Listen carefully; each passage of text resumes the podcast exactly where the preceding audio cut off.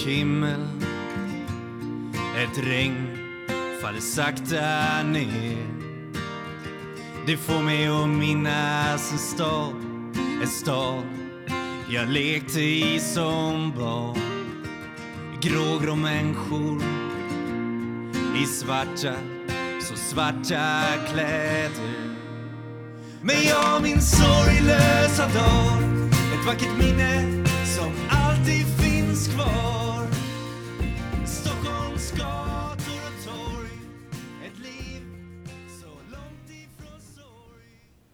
Välkomna till ett nytt avsnitt av Beroendepodden.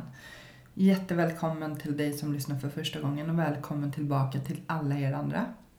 Mitt namn är Anneli och jag är själv en beroendemänniska och lever som nykter alkoholist sedan många år tillbaka.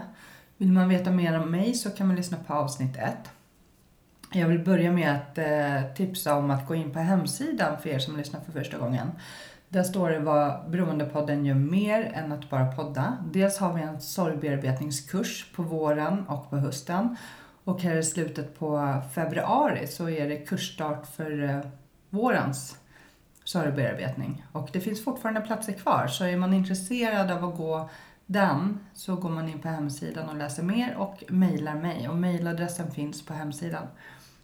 Det är Mio Rubin som håller i, i den kursen. Och eh, hon är professionell och har jobbat med det här i många år. Jag är också utbildad handledare i sorgbearbetning men jag håller tyvärr inte i denna kurs. Ehm, det står om eh, eh, Running for Serenity, löpgruppen vi har och även om Flatenloppet. Flatenloppet är ett löp eller gålopp runt Flatensjön den 12 september i år där vi även har två barnlopp. Eh, man kan läsa om allt på flatenloppet.com.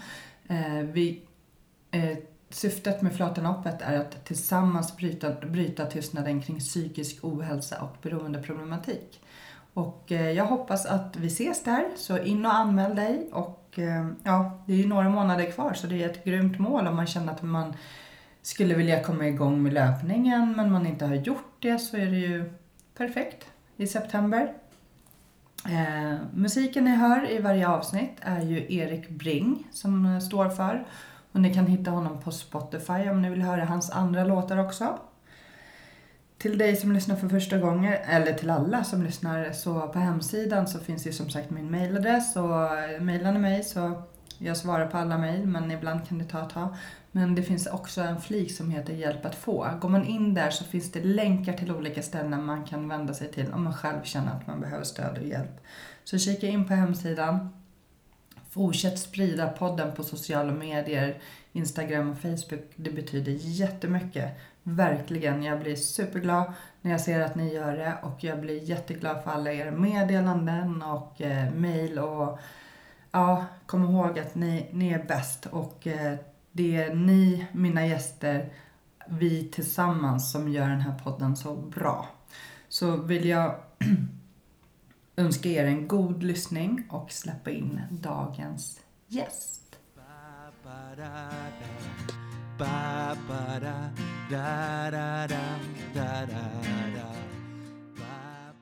Hej och välkommen till Beroendepodden, Sara Penton.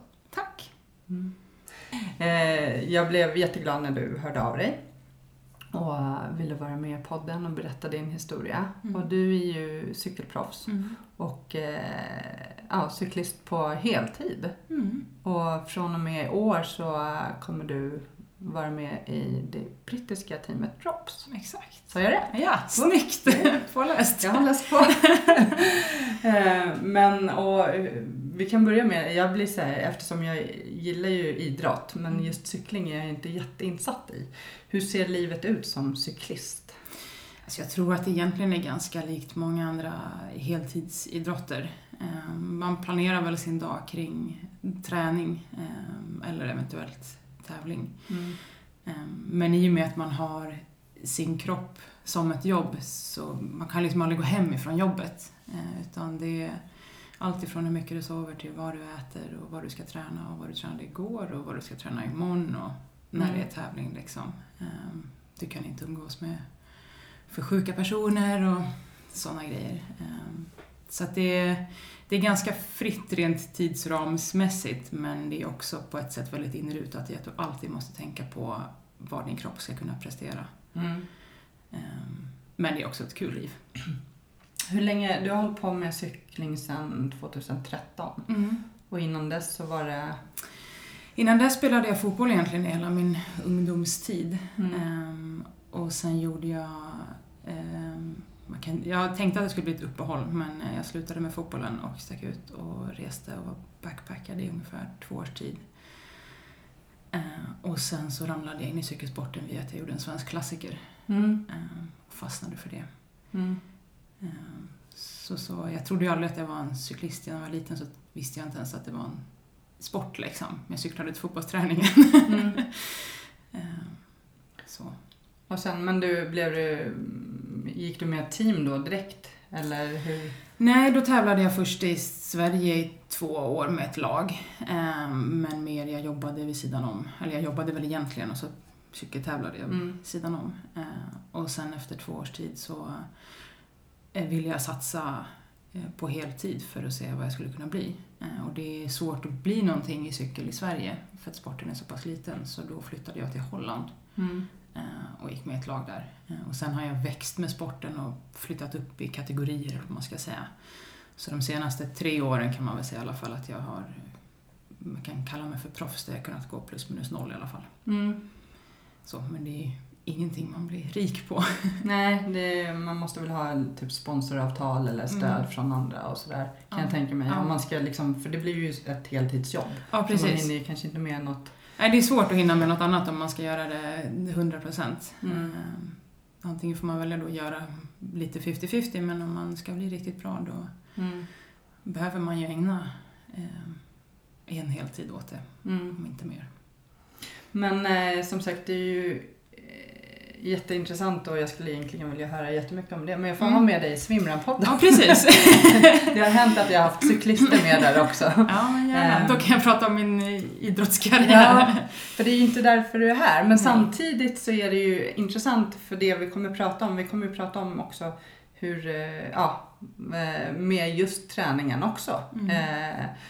Men du har ju en bakgrund och har fortfarande en del psykisk ohälsa Mm. i perioder. Ja. Och har och, eh, haft ätstörningar. Mm. Eh, och det, när, i, när började det för dig? Kan, vill du backa bandet och börja berätta hur det har sett ut lite, ditt liv? Ja, ehm, jag har ju funderat en del och gått tillbaka till saker som jag egentligen har bearbetat klart vad jag tycker. ehm, men som kan vara viktiga att ta med tror jag, som jag kommit på här. Eh, när jag var, gick i, ja det måste varit låg mellanstadiet eller något sånt, så var jag inte direkt den smalaste i klassen ehm, och blev väl retad för det, eh, bland annat. Innan jag då började bli bra på att spela fotboll kunde jag gömma mig lite i, i att jag var duktig på det i alla fall. Ehm, och någonstans kring 11-12 års åldern, eh, då var jag så trött på att inte vara smal nog eller snygg nog eller så omtyckt nog. Ehm, Så då gjorde jag en egen plan att eh, jag skulle bli liksom mer vältränad och smalare och snyggare och därmed bättre person tänkte jag. Ehm, Så då började jag träna mer och vara striktare med kosten. Jag tog bort allt läsk, bullar, kakor, socker. Jag minns att jag på kvällarna gjorde, jag minns inte hur många, men det var så här tre varv kanske med tio armhävningar, tio upphopp, eh, tio sit-ups eller något sånt eh, varje kväll. När du var i 12-årsåldern? Mm. Mm. Jag tror jag gick i sjätte klass, då är man väl en 11-12. Mm. Och det gav ju resultat, såklart. Eh, träna mer och äta bättre. Eh, och det var väl bra, alltså kroppen mådde väl bra så jag blev ju bättre på att spela fotboll. Jag orkade springa mer och blev inte lika hånad för att jag inte var liksom knubbis längre. Eh, men det tror jag också, att jag gjorde det så i, man ska säga hemlighet. Jag berättade inte för någon vad jag pysslade med. Eh, Det trodde jag var smart då för att då fick jag ju liksom bara de här positiva kommentarerna att åh vad smal jag har blivit, åh vad starkt jag har blivit och så vidare. Mm. Ehm, Men det tror jag så här i efterhand har satt sig i bakhuvudet i att det är då jag blir uppskattad. När jag är stark och snabb och smal och snygg liksom. Ehm, och att gör man det utan att man berättar det för någon så får man bara de här positiva reaktionerna. Ehm, så där någonstans har jag väl liksom en grund i någon form av ätstörningsproblematik, även om det inte spårade ur då. Ehm, och sen, eh, om man ska hoppa till fortsättningen av det, så någonstans ligger det väl latent hos många kvinnor och män i idrotten att eh, det är noga med kosten och man ska inte äta det och det och det och det är mycket dieter och hej och. Eh, Men jag blev också, om man ska säga, påtvingad en kosthållning som inte var hälsosam eh, 2018 Mm. av mitt team. Eh, Och då sattes ju de här processerna igång igen där jag fick en dietist som inte frågade egentligen någon annan fråga än eh, vad vill du väga liksom? Eh, Jag har ingen, aning, jag drog väl av fem kilo kanske. Ja, det är säkert bra för att mitt team tyckte att jag behövde bli lättare. Men ditt team sa alltså till dig att du behöver gå ner i vikt? Ja, Ja. de gav mig på något sätt ett offer I can't resist. Mm. så här, vill du att vi ska ta ut dig till tävlingar och att du ska vara med i truppen här som ska få racea det du vill tävla, eh, då är ditt nästa steg att gå ner i vikt liksom. Ja, nu har du blivit bättre på det här och det här och det här och lärt dig att köra de stora tävlingarna, nu är det dags för dig att ta nästa steg och då var det att tappa i vikt. Ehm, och det gjorde jag. Eh, jag följde den här, du vet som man är som idrottare, fokuserad, man har en plan, man följer den, man får x antal gram du ska ha av olika saker och väger och mäter eh, allt. Men jag gick ju ner väldigt mycket på väldigt kort tid och mådde ju psykiskt inte alls bra. Du vet, allting kretsar kring många gram av si och så du äter och att du alltid är hungrig. Mm. Eh, För då, det liksom gäller ju att ligga på ett underskott då, Ja, som, som... Ett ganska stort underskott. Ja. Eh, mitt i vårsäsongen där man ska prestera som bäst Mm. dessutom. Och det går ju bra ett tag. Eh, så. Men eh, det blir ju inte heller kul att prestera när man mår skit. Eh, så trots de här, ja vad smal du har blivit och vad stark du ser ut så man kan liksom inte ta in det för att man psykiskt mår så dåligt över, oh man skulle vilja fira kanske med en glass eller något. Men det går inte, det är för mycket socker och kalorier i. Det står inte här i min plan. Och så är det dessutom någon annan som säger, ja, jaha okej du äter fika nu, ja, står det verkligen i din matplan? Så andra hade koll också lite. Mm. Men jag tänker när man är högpresterande cyklist då behöver man väl äta väldigt mycket. Ja, Eh, så här, som du säger att du, man mår ju inte bra om man ligger på ett... nej. Men det är väl det som är så skevt, jag förstår inte riktigt hur det går ihop sig för de som inte... För det finns ju folk som är uppenbart undernärda också i cykelsporten. Jag förstår inte hur de orkar prestera. Nej. Men det är också de som, om de kraschar, alltid bryter någonting, alltid går sönder. För det finns liksom, det är många som är bensköra till exempel, inte har ett extra skydd, reparerar sig långsamt för att det finns liksom inga reserver i Mm. kroppen. Eh, och det är ju det är inte bara i idrotten det blir dåligt, utan det får ju konsekvenser för resten av livet också. Jag menar om du är 18-19 och äter för lite och blir benskör, det är svårt att reparera det sen liksom. Ehm, Så det är lite läskigt. Ehm, Nu lyckades jag ju vända på det utan att jag fick för stora konsekvenser rent fysiskt. Men eh, psykiskt, alltså jag kan ju ta ett exempel från i morse bara. Ehm, Då var på den här matplanen så skulle jag ha, eh, minns inte hur många gram, men typ en deciliter havregryn till min morgongröt. Ehm, Och så kunde jag ha ett ägg i och eh, några chiafrön eller något frö, bär, det var Mm. okej. Ehm, men en deciliter havregryn. Och då har jag lärt mig, okej, en deciliter havregryn, tre deciliter vatten. Det blir en bra gröt, liksom, bra konsistens och så lite bär. Um, och så i morse, nu har jag varit på läger, min sambo har varit på ett annat läger och så nu vi har inte sett varandra på typ tre veckor. Uh, och så i morse så frågade han, ska jag koka gröt till oss? Och jag ser den här mängden havregryn i kastrullen som är det här är uppenbart mer än en deciliter för mig och hur många deciliter du nu vill ha. Han är ju så skön att han, han äter det som känns bra, det är ju fantastiskt. Eh, men jag fick sånt, sånt ångestpåslag där jag såhär, nej men det går inte. Och jag har inget långpass idag. Eh, jag var, jag, först sa jag såhär, nej jag är lite tveksam, jag vet ju hur sjukt det är. Mm. Och så frågade han lite försynt, så ja, ja, ja, du får väl göra din egen gröt om du vill. Men eh, då tog jag på något sätt, det låter fånigt, men jag tog mod till mig och bara, nej okej, men ställde undan min kastrull igen, hällde tillbaka havregrynen i stora och bara, okej, men gör som du hade tänkt då. Och så blir det nog bra. Men, och så här, om det blev en och en halv, två deciliter havregryn och x antal deciliter vatten, ingen aning, det är en sån liten, liten Mm. del, men det sitter så djupt att, nej, det blir för mycket. Vi, alltså, det, halva mig tycker att det är jättesjukt och halva mig är- blir, får liksom ångest över en sån liten grej. Mm. För att det har liksom satt sig så djupt i, i huvudet på mig. Men nu gjorde jag det och så får jag väl vara stolt över det och försöka att inte analysera det i två veckors tid liksom. Men för du gick ju ner eh, då, vid det här tillfället så gick ju du ner rätt så mycket, rätt så snabbt. Mm.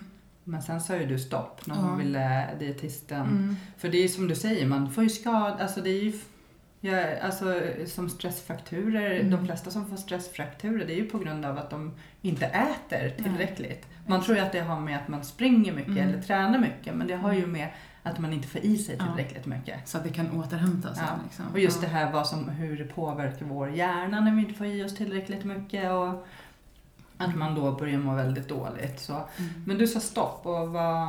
ehm, Ja, jag, eftersom att jag då inte hade någon personlig kontakt med den här dietisten ens, utan det var hon satt i Danmark. Eh, vi träffades aldrig. Mm. Bara det är ju lite märkligt. Eh, men jag eh, på något sätt ebbade ut den här kontakten, lät det liksom rinna ut lite i sanden och sa nej men jag klarar mig själv och ville väl inte riktigt eh, ha mer med henne att göra. Eh, men, eh, och det var ju mot slutet av säsongen och sen, sen dess Visst, mitt team fortsatte med att vi skulle väga oss vid ojämna mellanrum när vi var med teamet, vilket också är så här, vad spelar min... Om du, vä- om du väger mig en gång var tredje månad, typ, eller varannan månad, bara så här random, vad ska du sätta det i relation till?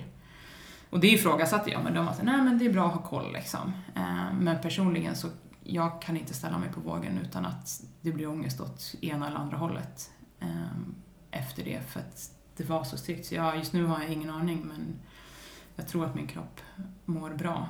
Mm. Ehm, Men hon var inte heller påstyrd i sin antar att teamet bara liksom lät det vara på något sätt.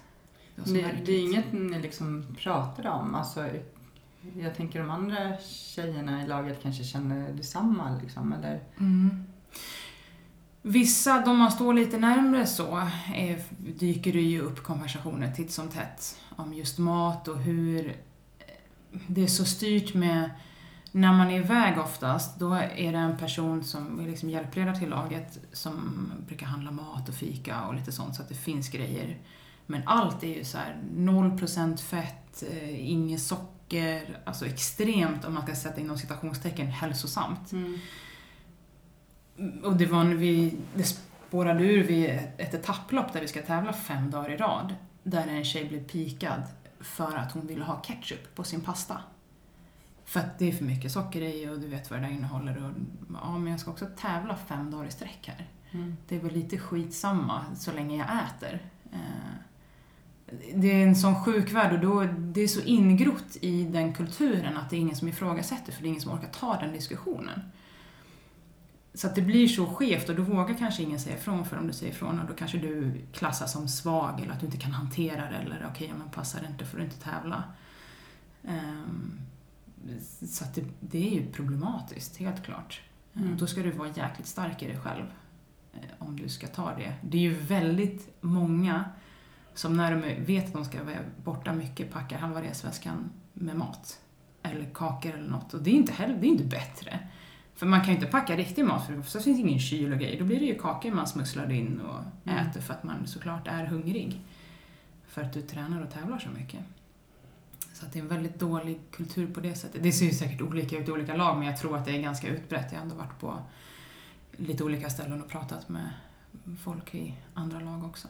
Mm. Ehm, Så att eh, det är svårt att vet inte hur man ska angripa det men jag tänker att det här kan vara ett sätt att bara öppna upp för Ja, och det är som jag sa till dig innan eh, vi började spela in, men jag säger det igen då. Eh, jag har ju Svimran-podden också. Mm. Och där eh, träffar jag ju många elit och har intervjuat jättemycket idrottsmän och kvinnor. Mm. Eh, och eh, det som brukar hända när jag stänger av intervjun, det är ju att eh, baksidan kommer fram, eller hur folk mår på riktigt. Mm. Och efter x antal hundra intervjuer så börjar jag ju se ett mönster att det är väldigt många som faktiskt kämpar med psykisk ohälsa, ätstörningar, låg självkänsla, eh, prestationsångest och mycket så. Och också kanske att många, många i, i, idrottsmän, eh, framförallt proffs, kanske från tidig ålder också känner att de måste prestera för att duga. Mm. Att det är en sån här lite röd tråd också. Ja, gud ja. Eh, I, och som du säger att du kan minnas när du började så var det så här, jag måste vara bäst, Mm. duktig, Mm. eh, snygg, vältränad. MVG i alla Ja. ämnen och... Ja. Och att leva upp till det konstant Mm. ja, är ju inte kul. Nej. Att- Nej men det, det blir såklart och jag spelade ju som sagt eh, fotboll eh, under mina flesta ungdomsår. Och där var ju någonstans där jag var ganska duktig liksom och fokuserade på att det är där jag ska prestera. Mm. Ehm, och i skolan eh, gick ju väldigt högpresterande klasser ehm, där MVG i princip var det enda som räknades och man var inget om man inte hade det. Så det är klart att det har satt sina spår. Ehm, när jag sen eh, backpackade efter gymnasiet, ehm, det har jag ju insett efteråt, men det var ju ett flyktbeteende.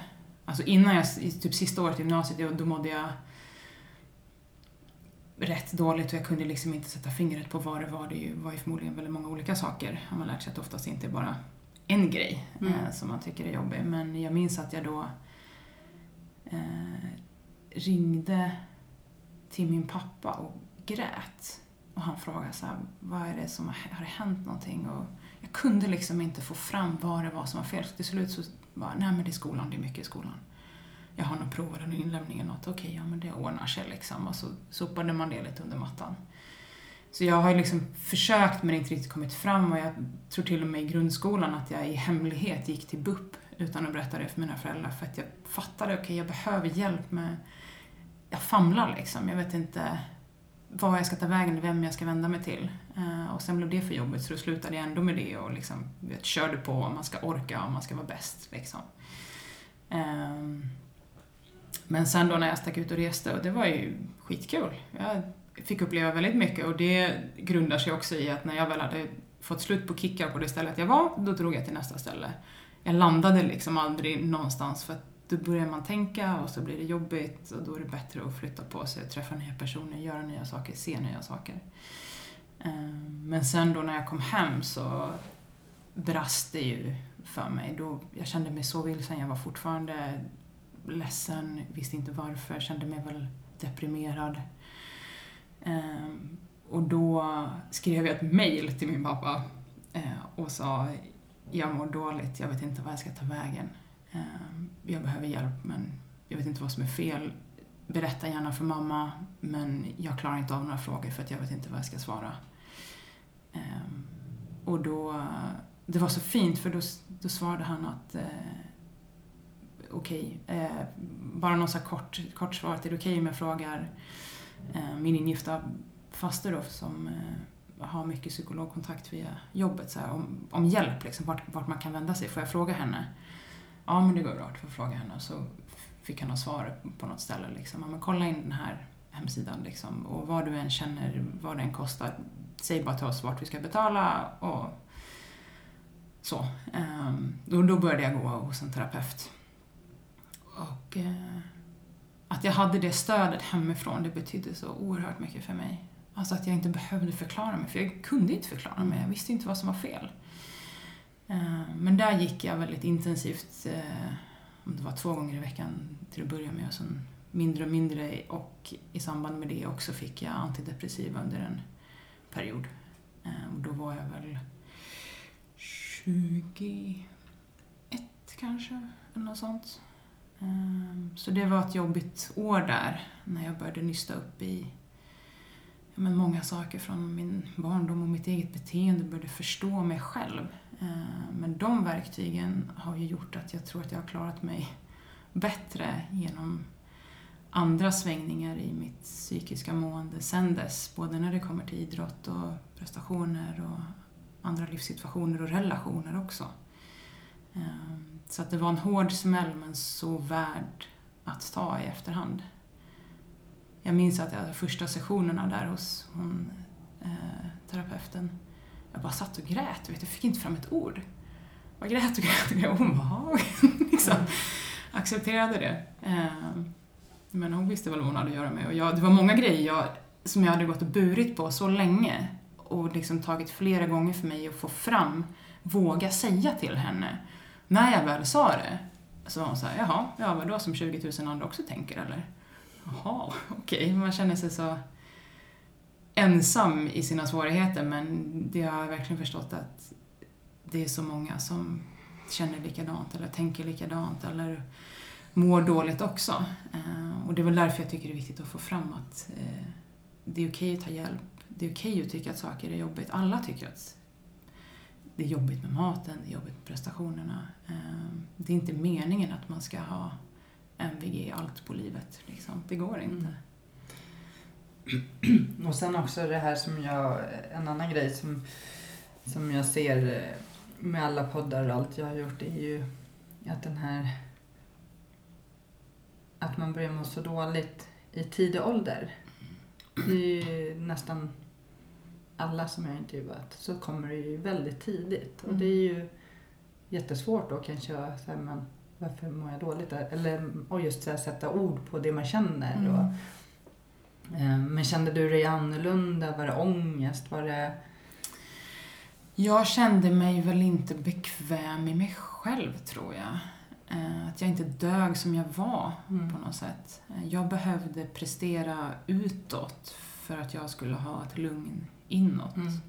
Ehm, Och det var väl någonting som nu när du frågar att jag kommer ihåg att den här terapeuten lärde mig att jag behövde hitta den här lilla inre Sara som inte, hon fanns liksom inte. Mm.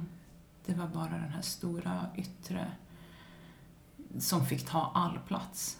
Ehm, Så nej, det, det var nog det, den största lärdomen att och jag menar, det jobbar jag ju med dagligen också, att lyssna inåt. Vad mår jag bra av? Vad behöver liksom, den lilla, lilla Sara på insidan? Det är henne jag behöver snacka med oftare. Mm. Ehm, Så det var väl att, ja men jag kände mig tjock och ful, okunnig, dum, korkad, eh, inte snygg, inte uppskattad liksom. Fick inte bäst betyg. eh, Gjorde inte flest mål på fotbollsplanen. eh, Klankade mycket ner på mig själv eh, i alla hänseenden. Och även, jag menar som, ta en lagsport som fotboll, att förlorade vi en match, ja då var det ju mitt fel såklart. Det var jag som hade gjort något fel. Missat en passning eller missat en markering eller någonting. Ehm, så mycket det tror jag eh, som gick och gnagde på mig. Ehm, mot till slut så gick det inte längre. Och det, det är det jag känner att jag har ju också väldigt länge tänkt att jag har varit för frisk för att vara sjuk. Liksom. Eh, det finns alltid någon som har det värre, någon som har det sämre hemma eller vad som helst. Eh, och att jag kunde inte tillåta mig själv att må dåligt. Ehm, för att jag mådde inte dåligt nog Mm. för att vara värd att få hjälp. Ehm, Och det är ju helt idiotiskt.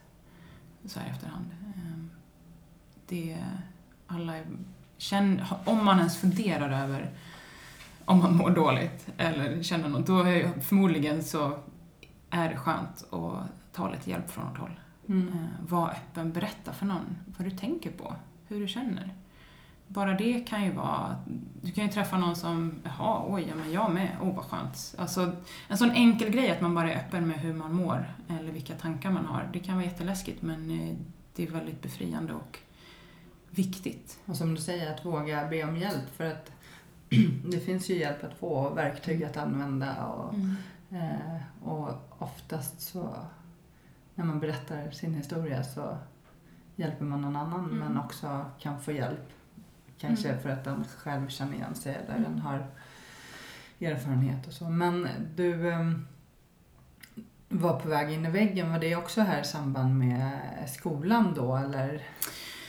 Ja, ehm, det var väl eh, olika uttryck för det. Ehm, när jag då ringer och gråter till min pappa eller liksom inte vet vad jag ska ta vägen och sen flyr landet under lång tid, kommer hem och sen blev jag ju, dels så kom jag hem och var ganska fysiskt sjuk. Eh, jag hade åkt på någon bakterie av något slag så jag var väldigt svag fysiskt. Ehm, men, eh, och då flyttade jag ju hem igen. Ehm, och det, jag vet inte hur lång tid det tog, eh, ja men kanske tre månader innan jag liksom kände att jag var på gång igen och kunde börja jobba framåt. Ehm, jag tror att det var efter min första långresa som jag kom hem och krisade lite. Ehm, jag menar, jag var ju fortfarande funktionell, men eh, det var som att jag... Jag minns det som att jag gick runt i ett töcken liksom. Jag visste varken ut eller in eller vad som var värt något överhuvudtaget. Man liksom tog mig upp och åt min frukost och väntade på att dagen skulle gå liksom. Ehm, Men det är det jag menar, att man behöver inte, låt det inte gå så långt så att du blir sängliggande eller utbränd eller vad det nu kan vara. Utan eh, ta en knuff i rätt riktning liksom innan det är för sent eller innan det har gått för långt, innan du har kört dig själv för mycket i botten. Försök att lyssna inåt. Mm. Eh, Och var mer öppen, för jag lovar dig att det finns någon som sitter på precis samma tankar. Men vad har du för verktyg idag känner du? Eller vad Mm. gör du liksom för att få det att fungera? För jag tänker att du har ju ändå ett högpresterande jobb som cykli- proffscyklist. Mm. Så det är um, också där liksom att, och ni är ju ett team. Mm.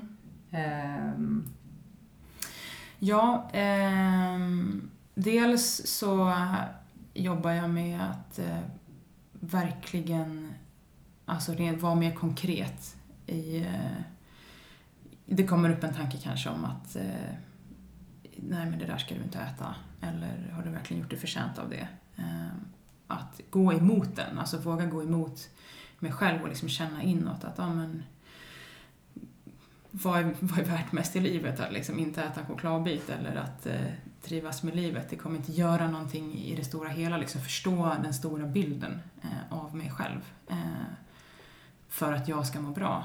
Eh, och oftast känner ju kroppen av vad det är man behöver. Eh, om det så är en chokladbit eller att skita i något träningspass eller vad det kan vara. Eh, Att lyssna mer på det. Eh, det jobbar jag jättemycket med varje dag, att det är okej. mm. Eh, Jag behöver inte vara bäst på allt. Eh, Det är okej att vara lagom bra Mm. också. Eh, Och sen har jag lärt mig att se mina egna tecken på när det är något som inte stämmer. Eh, Dels fysiskt så, ofta så sover jag 8-9 timmar av mig själv liksom. Är det så att jag börjar sova fler timmar, då är det oftast någonting jag lider brist på. Antingen är jag väldigt sliten, eller så har jag inte skött kosten, eller det är för mycket runt omkring. Att jag behöver plocka bort någonting, jag behöver tacka nej till något kanske. Mm. Fundera på, så, okay, men vill jag verkligen det här eller inte? Vad säger magen? Ehm, och sen ett tydligt tecken som jag kom på nu också är att varje gång jag vill tatuera mig, då är, då är det något som då är det något som inte stämmer. En liten förändring. Precis, då är det en kick jag vill ha liksom, för att jag vill komma ur någonting. Mm. Ehm, så det är här väldigt tydligt tecken för mig att okej, jag har gått så långt att jag vill tatuera mig att jag bara okej, men nu måste jag liksom hitta något nytt, vad ska jag göra? Då behöver jag rannsaka mig själv. Vad är det som inte funkar just nu? Mm. Vad är det som inte stämmer? Ehm, och ta tag i det, helt enkelt. Ehm, och prata med mina närmsta, och min sambo och min familj om ja, Mm. vad det än kan vara. Ehm, de finns där som ett stöd. Det behöver inte vara ens familj. Det kan vara, ibland kanske man inte har en så bra relation med sin familj. Hitta någon annan som du kan vara öppen med.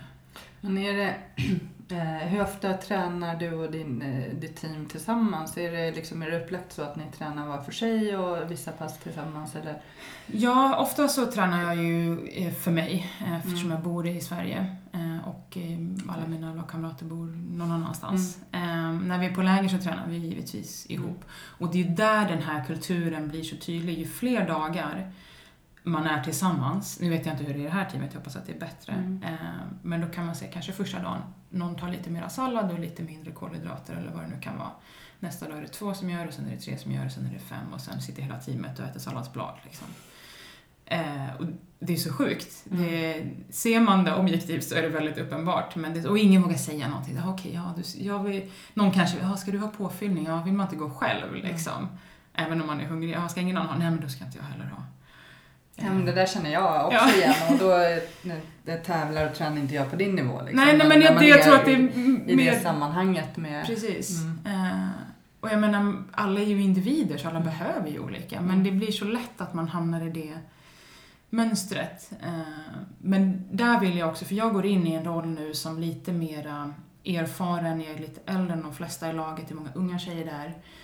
Eh, så min roll blir att ta dem lite under mina vingar. Dels att lära dem rent cykelmässigt hur man för sig en klunga och sådana bitar. Men det jag också vill försöka förmedla är liksom att vara trygga i sig själva, att visa på att man måste äta ordentligt Mm. och inte konstla till saker. Utan liksom ha en sund inställning till sitt cykelliv. Jag menar, vi gör inte det här för pengarna utan vi gör det för att vi tycker att det är kul. Mm. Och då ska det vara värt att göra det. Och är du då 18-19 då kanske du är lite, tittar du upp kanske på de som har hållit på längre och då ska jag verkligen göra mitt bästa för att vara den förebilden där jag sätter en bra standard. Mm. Liksom, och få dem att förstå att de behöver inte göra som jag, men fundera över vad du behöver. Eh, så. Det är ju jättebra att du är öppen med din historia för då kommer ju de andra att om de har problematik kanske våga vända sig till dig också. Jag hoppas det. Ehm, nej men jag vet, eh, ah, jag vet många som har fått ätstörningar på grund av idrotten. Så. Mm. Att man liksom, och jag, jag som löpare, jag håller ju på med ultralöpning och swimrun och så här. Jag kan ju tänka rätt så ofta när man är ute på ett pass och det är så sjukt tungt. Man bara, Mm. om man gick ner fem Ja. eller kanske tio kilo, då skulle Ja, allt vara så mycket precis. lättare. För det är ju som en så. Ja. Och, och börjar man då liksom och, så, eh, ja, och påtryckningar utifrån då eh, kan Men- man nog lätt hamna in i något. Ja, men vet du vad som är intressant med det du säger också nu? Mm. Att det första man tänker på, det är att man ska gå ner i vikt. Mm. Inte så här, jag kanske har ätit för lite energi. så- att jag orkar springa längre eller fortare. Och det så, Det så, men det är sant, Ja. för det, så Mm. tänker jag också. Det, liksom, man går det tungt, oh, men nu har jag gått upp i vikt. Det är inte så här, jag har inte ätit ordentligt så jag orkar prestera. Mm. Det är ju skevt. Ja. Nej men så, och så eh, för verkligen för att eh, jag förstår ju det här tänket att det är bra som idrottsman att väga mindre för då Mm. är men samtidigt som du säger, ligger man på underskott så är, då har man ju ingen energi Nej. för att orka med det man ska prestera överhuvudtaget. Så det blir Exakt. så här helt fel. Balansen är skitsvår och det är väl där många tänker att då är det lättare att kontrollera att Mm. gå ner i vikt än att äta exakt det man behöver. Men jag får ofta frågan just så här, eh, för jag slutade ju dricka som eh, var eh, min flykt ehm, för 11 och ett halvt år sedan och så började jag ju träna då liksom Mm. och jag slutade röka och allt möjligt. Ehm, och då får jag ofta höra så här, ah, men du har bara bytt beroende och eh, nu är ultralöpning kanske inte jättesunt, alltså om man tänker på liksom så. Eh, men, ehm, men, och folk tror ju att jag tränar varje dag hela tiden. Mm. Jag- De ska bara veta hur mycket jag vilar. Mm. Så, men, ehm, ja, och just det här ja, men att min träning ska vara en flykt. I början då behövde jag ersätta så här, Mm. min drog mot träning. Mm. Men sen mår man ju fruktansvärt bra av endorfiner. Mm. Eh, idag förespråkar jag ju träning, löpning som ett verktyg för att må bra. Mm. Det är ju verkligen så här. Men just att ha den här balansen. När Mm. är det en flykt och när jag gör det för att jag älskar det. Och eh, jag vet idag att jag använder min träning för att jag älskar det. Mm. Och jag får uppleva så otroligt mycket. Och nu nästa vecka åker jag till Spanien. Mm. Trots att det har tydligen snöat dit vi ska. Och bara en sån grej. Få sticka med en massa tjejkompisar och träna i bergen och så.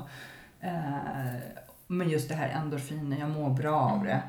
Eh, men just det här, och att jag vet att jag tränar för att jag gillar det och jag mår bra. Det är Mm. ingen flykt för mig. Ehm, men hur, hur har ditt, har ditt eh, förhållningssätt till träningen sett ut? Har det varit... Jag kan ju eh, villigt erkänna att hade jag inte haft en tränare som styrde min träning, då hade jag tränat för mycket. Ehm, absolut. Och jag gör aldrig mindre än vad som står. Ehm, han har väl också lärt sig då att han kan inte skriva tre till fyra timmar, för då blir det alltid fyra. Då är det lika bra att han skriver en siffra liksom. Mm. Eh, för att det är ju en del av, som jag berättade för dig innan här också, att mina två, man ska säga huvudberoenden är ju väldigt problematiska. Flykter. Ja, flykter. Eh, det är ju kosten och träningen. Och jag behöver dem båda för att överleva. Eh, men att hitta den där balansen där också, jag menar elitidrott eller på den nivån jag håller på, det är ju inte hälsosamt. Eh, för det första, det är väldigt enformigt att vara cyklist. Det sliter mycket på kroppen. Ehm, Det är egentligen bättre att vara, man ska säga, motionär eller lagom, göra lagom. Ehm, Men att hitta den balansen, det hade jag inte klarat av själv för då hade det blivit förmodligen för mycket för jag hade tänkt, ah men det räcker, ja okej jag har sett någon annan på Instagram som har tränat mer och så gör man den extra timmen eller vad det nu kan vara. Ehm, Så jag behöver, där har jag, man kan säga att det är också en stor hjälp för mig. eh, Att ha en tränare. Det är en av mina hjälpverktyg för att kunna hantera min vardag som elitidrottare. Att ha en coach som säger när jag ska vila, när jag ska träna. För om jag, det har ju hänt också ganska många gånger att jag har ringt till honom och gråtit. Eh, bara storbölat, vet inte var det kommer ifrån, men bara helt slutkörd. Och han kan ju då, oftast är det efter en antingen tuff träningsperiod eller väldigt intensivt tävlande och resande, man är bara slutkörd i kroppen. Liksom. Jag kan inte se det själv. Jag har fortfarande inte lärt mig det av någon märklig anledning. Men han ser ju det direkt. Och jag litar så blint på honom. Eh, 150 procent. Som han säger så här, äh, vilket han oftast då är kontentan, att han säger eh, skit i att träna idag, ta en vilodag imorgon, gå och köp en påse godis. Så går en dag och sen är allt fine and dandy för mig igen.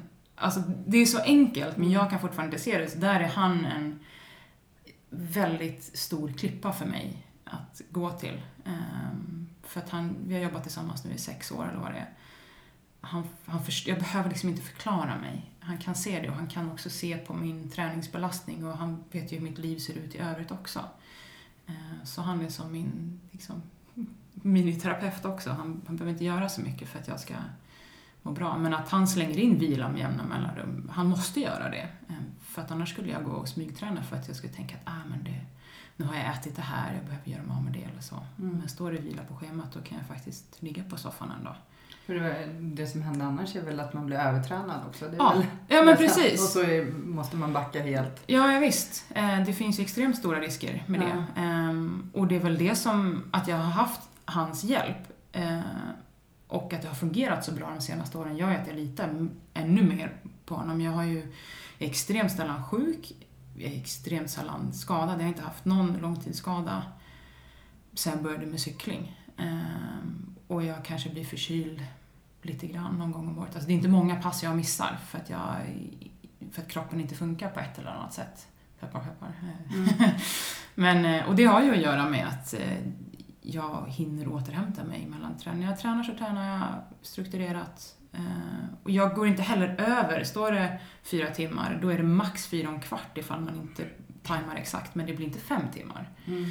Så där är jag väldigt noga. Eh, Och det handlar väl också om mitt perfektionistiska tänkande, att jag måste göra exakt det som står i schemat.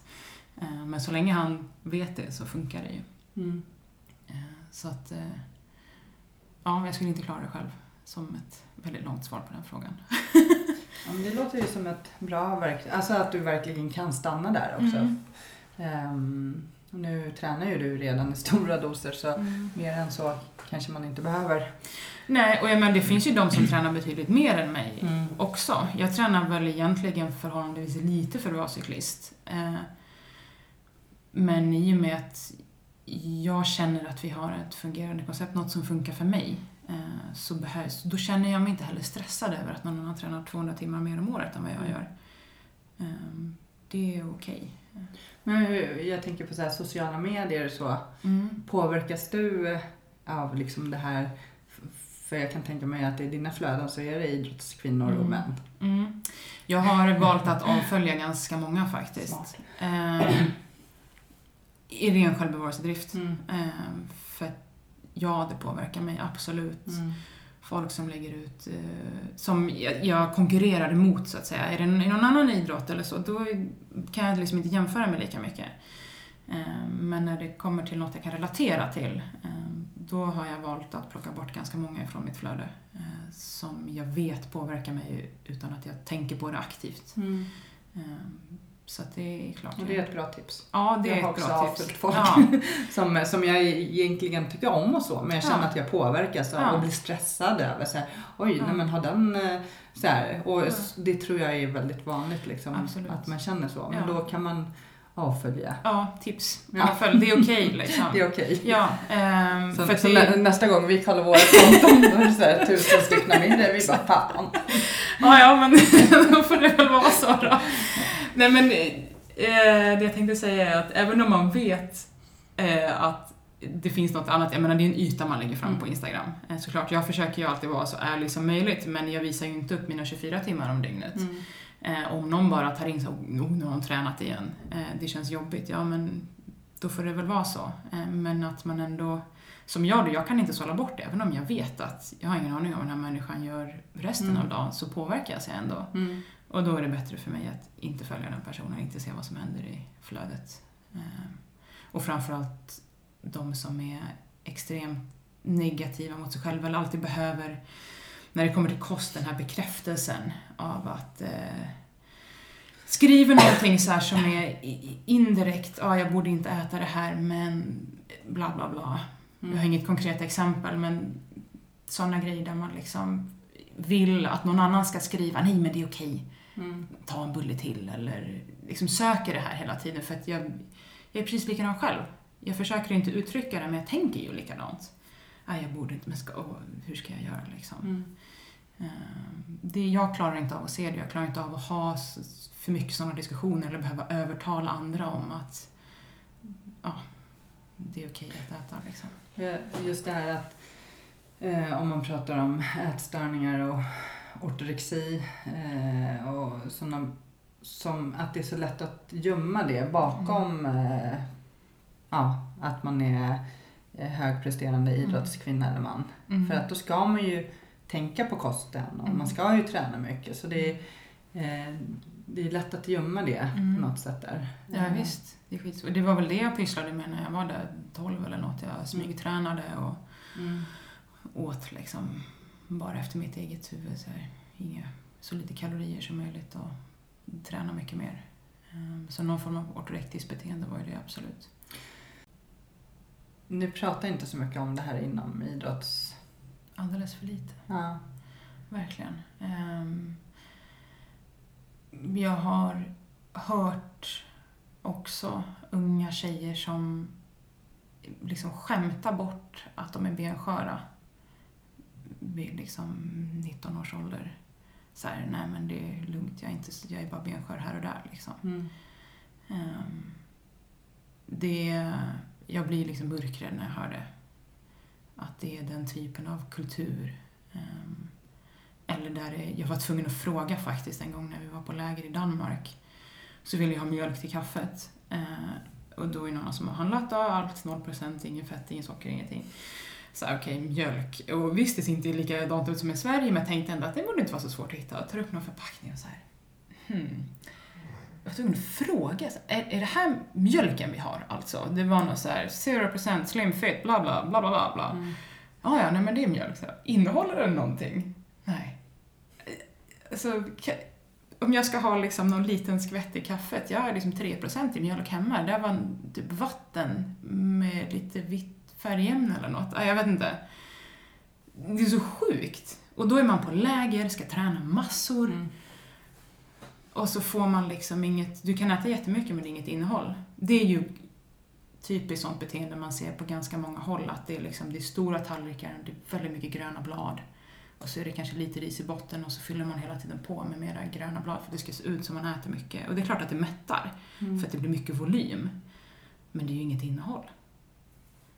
Det, det gör mig mörkrädd alltså. Det, där vill jag, jag vet inte hur jag ska lyckas men det måste bli en förändring liksom för att ingen betalar en så bra så att det är värt att förstöra sitt liv för det för det kommer att få konsekvenser både fysiskt och psykiskt Mm. för livet liksom. Men du kommer ju inte vara proffsatlet för resten. Det är ett antal år under din karriär. Försök att njuta av det och hitta en balans liksom. Mm. Det tänkte jag göra. Det är mitt mål med 2020. Det låter som ett jättebra mål, tycker jag. Ehm, men eh, är det någonting du tycker att vi har missat? Mm. Eh, Som... våga ta hjälp. Eh, våga prata med någon du litar på. Mm. Eh, oavsett hur du mår. Om du tror att så här, nej men det, det är nog inget, jag är nog bara lite ledsen idag. Säg det till någon. Eh, det tycker jag är jätteviktigt. Låt det inte gå för lång tid eller där du går i dina egna tankar för länge. Eh, våga vara öppen med någon du litar på. Det är mitt tips oavsett vad det gäller. Mm. Och njut av livet. Ja. Mm. Tack för att du kom Ja, tack för och att du fick vara här. all lycka till i framtiden. Tack. Jag ska följa dig och se hur det går. Känner ingen prestation. Nej, nej. Se hur det går med mitt livs njuteri. Ja, exakt. Nej, men jo, det var det jag skulle fråga innan vi avslutar. Du skrev ju om det här på din gamla blogg. Just det. Vad fick du för respons? Tänker jag. Jättemycket Mm. respons från både killar och tjejer och eh, både yngre och i samma ålder som mig, jag är runt 30. Eh, från alla håll och kanter. Många kände igen sig, många tyckte att det var väldigt bra och, och skönt att få höra eh, att de inte var ensamma. Eh, så att det är ju det är så utbrett. Mm. Och det var inte bara från cykelvärlden, det är klart att det var mycket från cykelvärlden. Eh, Men från flera håll och det togs ju även upp, det blev en artikelserie i DN efter det där, där det inte bara var jag utan andra idrottare också. Mm. eh, Kring samma problematik. Mm. Så, och det gör ju Den att... artikeln var låst. Jaså? Typiskt. Det var väldigt bra artikel. Nej men det, det gör ju att så här, det är som nu, det är jobbigt att kanske öppna upp mig om de här grejerna men det är så pass viktigt. Mm. För att kan jag hjälpa någon annan på vägen eh, och må bättre eh, och hantera, lära sig att hantera sitt liv bättre, då är det värt det. Mm. Eh, Jag tänker att inom idrottsvärlden, eftersom det är vanligare än vad vi tror, Mm. så kanske alltså, att våga tala om det och, och också börja stötta varandra. Att Ja. liksom, och hitta, ja, så, så blir man ju starkare tillsammans. Liksom. Ja men verkligen. Alltså jag Ja. menar som det vi har pratat om nu, det har inte varit en helt enkel väg men ändå så sitter jag här och håller på med min idrott på heltid och får det att fungera. Mm. Så att bara för att man mår dåligt i perioder så kan man fortfarande ha ett fantastiskt liv. Mm. Ehm, Det behöver inte vara antingen eller, det kan vara lite både och. Bara man lär sig att hantera sig själv bättre och vad som lär sig hur man själv mår bäst, Mm. helt enkelt. Ehm, Jag har lärt mig uttrycket eh, njutarbeta. Jag vet inte om det är han Olof Rolander som har myntat det eller något. Men det tycker jag är ett bra. Han är, vad är han, mentaltränare? Ja. Olof Rullan. Ja. Ja, jag tror inte så. Ja, mm, ja det, det hade jag inte hört förut. Nej, njutarbeta, det, jag gillar det. Ja. ja, nej men tack så jättemycket. Mm, tack.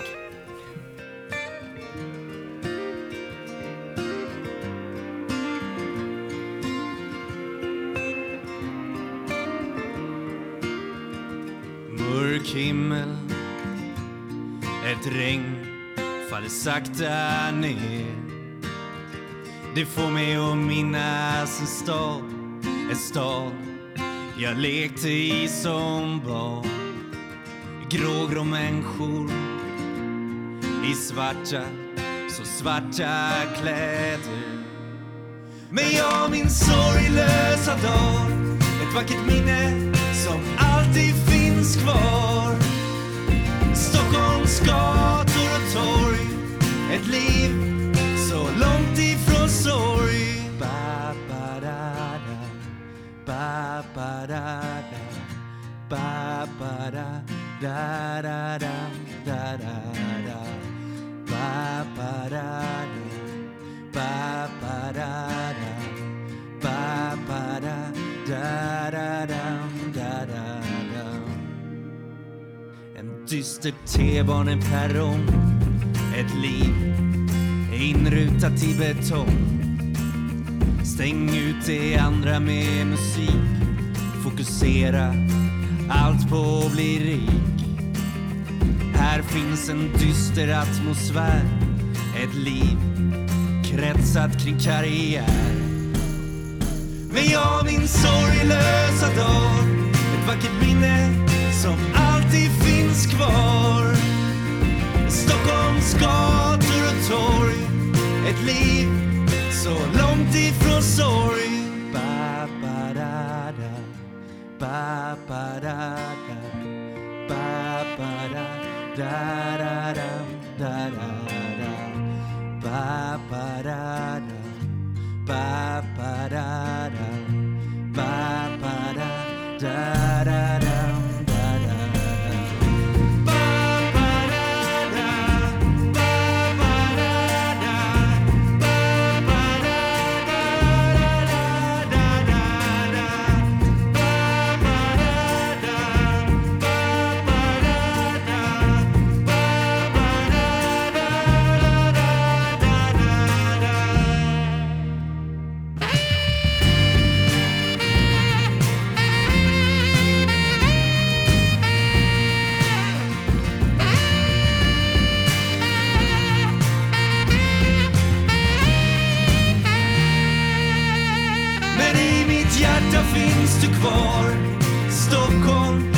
drömmer